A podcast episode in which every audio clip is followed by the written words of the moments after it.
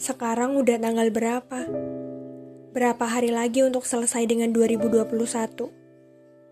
Untuk hampir 365 hari terlewati, sudah rasakan apa aja? Senang, sedih, kecewa, marah, gak apa-apa. Merasakan semua emosi itu hal yang wajar kok. Berarti 2021mu berwarna.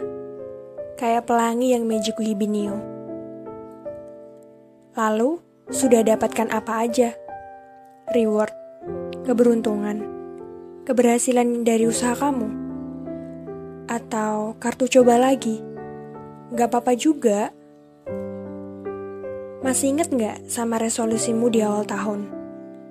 tentang apa-apa aja yang ingin kamu gapai, kamu raih, kamu taklukkan.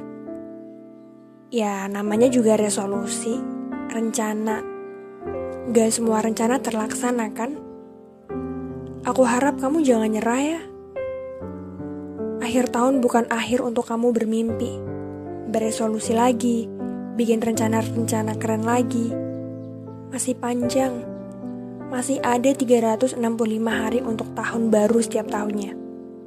Kamu punya banyak waktu buat ngembangin bisnis kamu mungkin, buat bikin konten, berkarya, belajar, bekerja, atau sekedar bikin miniatur angsa di atas meja kerja kamu.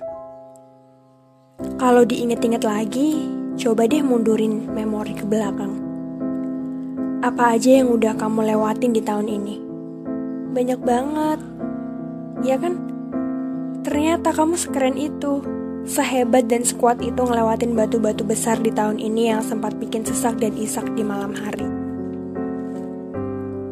Kamu masih punya hitungan hari sebelum tahun ini benar-benar usai. Kamu masih bisa bikin momen bahagia bareng orang-orang yang kamu sayangi di penghujung tahun. Pergi ke tempat yang kamu suka, lakukan hal-hal yang kamu suka, yang bisa bikin kamu bahagia, yang bisa bikin kamu lebih baik.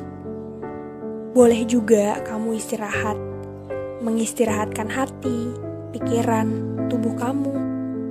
Karena aku yakin kamu pun capek.